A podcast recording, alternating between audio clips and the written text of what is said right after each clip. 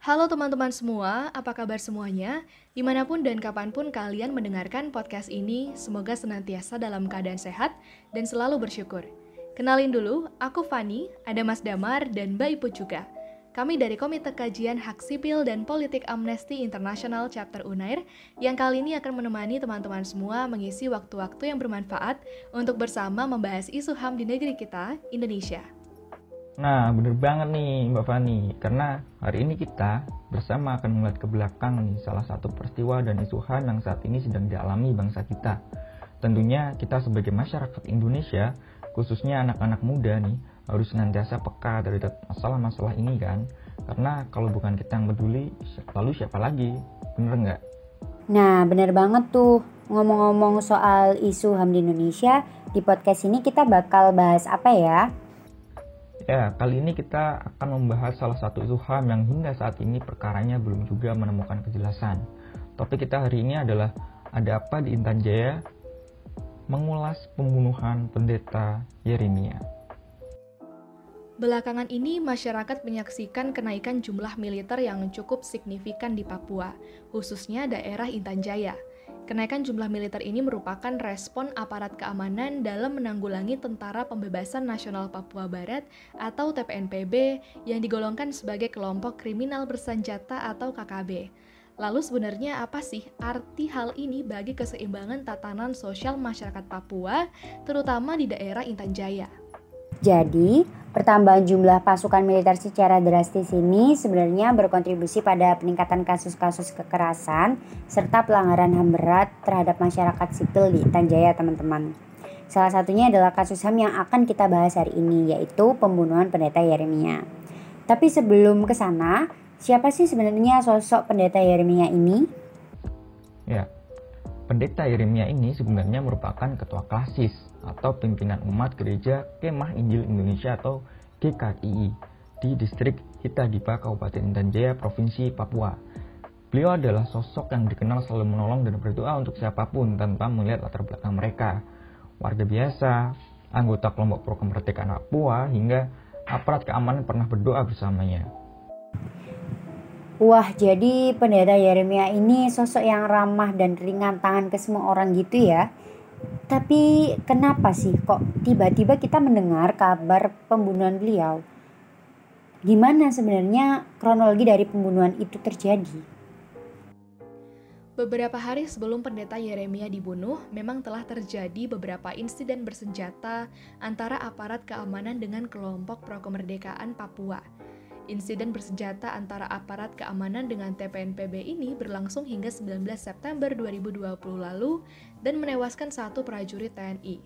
Karena geram dengan insiden ini, Wakil Komandan Rayon Militer atau Wadan Ramil Persiapan Hitadipa kemudian memerintahkan penyisiran permukiman warga untuk mengejar TPNPB sehingga terjadilah kontak senjata di daerah tersebut. Ketika saat baku senjata ini terjadi, pendeta Yeremia dan istrinya Mama Miriam sedang mengurus babi di kandang. Ketika terdengar dentuman peluru, Mama Miriam mengajak pendeta Yeremia untuk pulang, tetapi beliau menolak karena masih hendak menunggu babi pulang kandang. Akhirnya sang istri beranjak pulang duluan. Ketika Mama Miriam merasa suaminya tak kunjung pulang di sore hari, ia kemudian menyusul ke kandang babi. Namun, alangkah terkejutnya Mama Miriam ketika ia menemukan pendeta Yeremia telah tertelungkup di tanah, ditembak di lengan kiri dan ditusuk di punggungnya. Dengan napas terakhirnya, pendeta Yeremia sempat berkata pada istrinya bahwa yang menembaknya itu adalah seorang tentara yang biasa mereka jamu di rumahnya.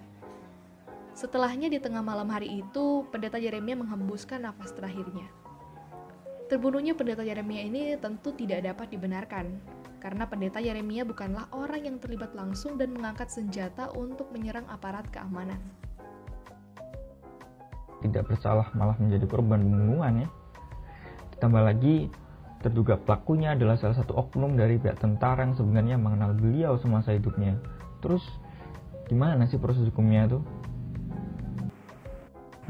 Tentunya proses hukum pengusutan ini segera dilakukan teman-teman.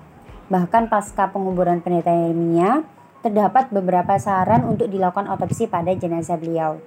Mengenai otopsi tersebut, awalnya pihak keluarga itu menolak karena berdasarkan adat atau keyakinan di sana, proses otopsi diyakini dapat membawa dampak buruk pada keluarga almarhum.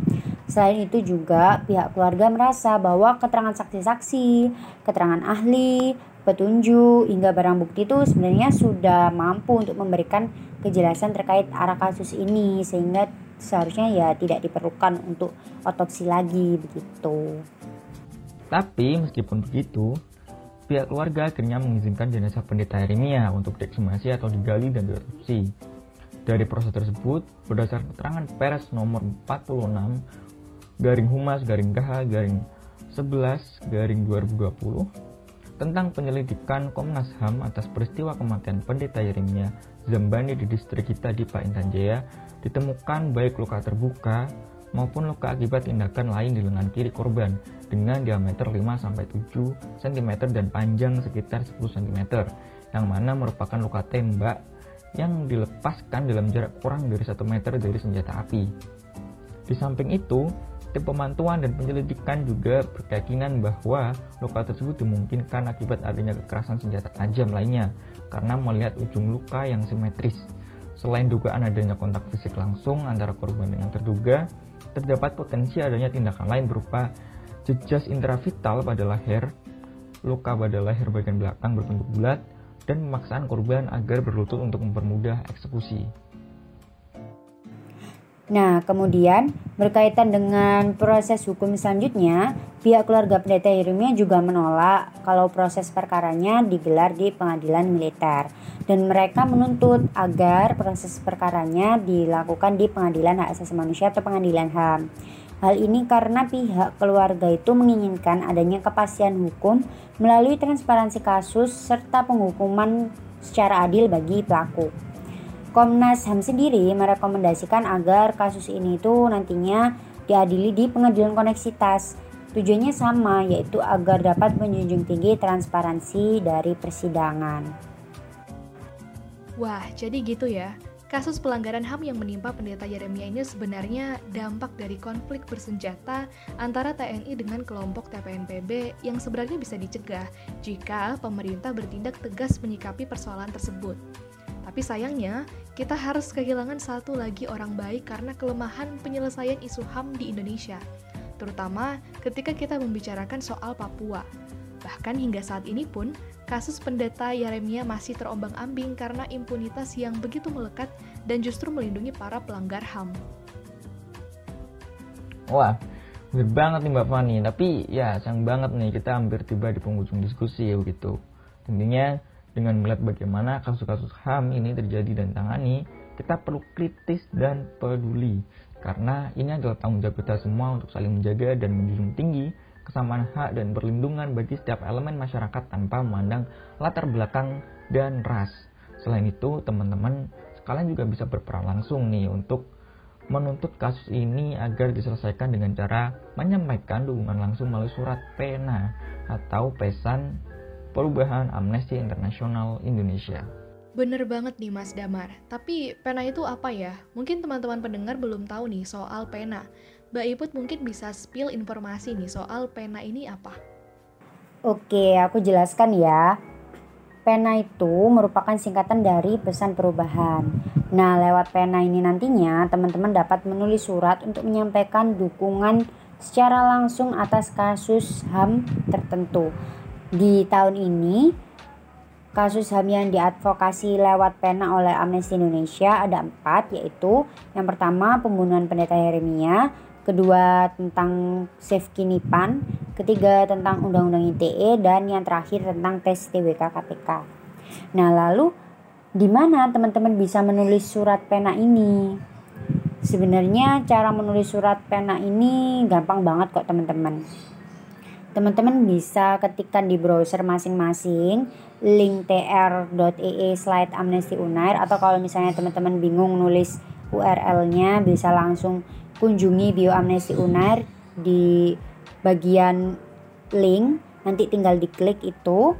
Nah kemudian nanti setelah mengklik link Tri Amnesti Unair akan ada menu pena amnesti pendeta Yeremia. Nah diklik saja setelah mengklik menu tersebut nanti teman-teman akan diarahkan pada halaman web untuk menulis surat pena Nah, di halaman ini nantinya teman-teman diminta untuk mengisi nama, alamat email, dan sebenarnya sudah ada template isi suratnya. Tapi kalau misalnya teman-teman ingin menulis isi surat sendiri sehingga isi suratnya bersifat lebih personal, teman-teman juga bisa menulis isi surat pribadi tersebut. Caranya tinggal dihapus saja template-nya, kemudian teman-teman tinggal ketikkan surat pribadi dari teman-teman gitu. Nah, setelah itu, setelah selesai mengisi identitas dan isi suratnya, tinggal diklik kirim dan selesai. Wah, menarik ya. Ternyata kita juga bisa menyampaikan dukungan langsung untuk meminta pemerintah mengusut tuntas kasus pembunuhan pendeta Yeremia ya Mbak Put.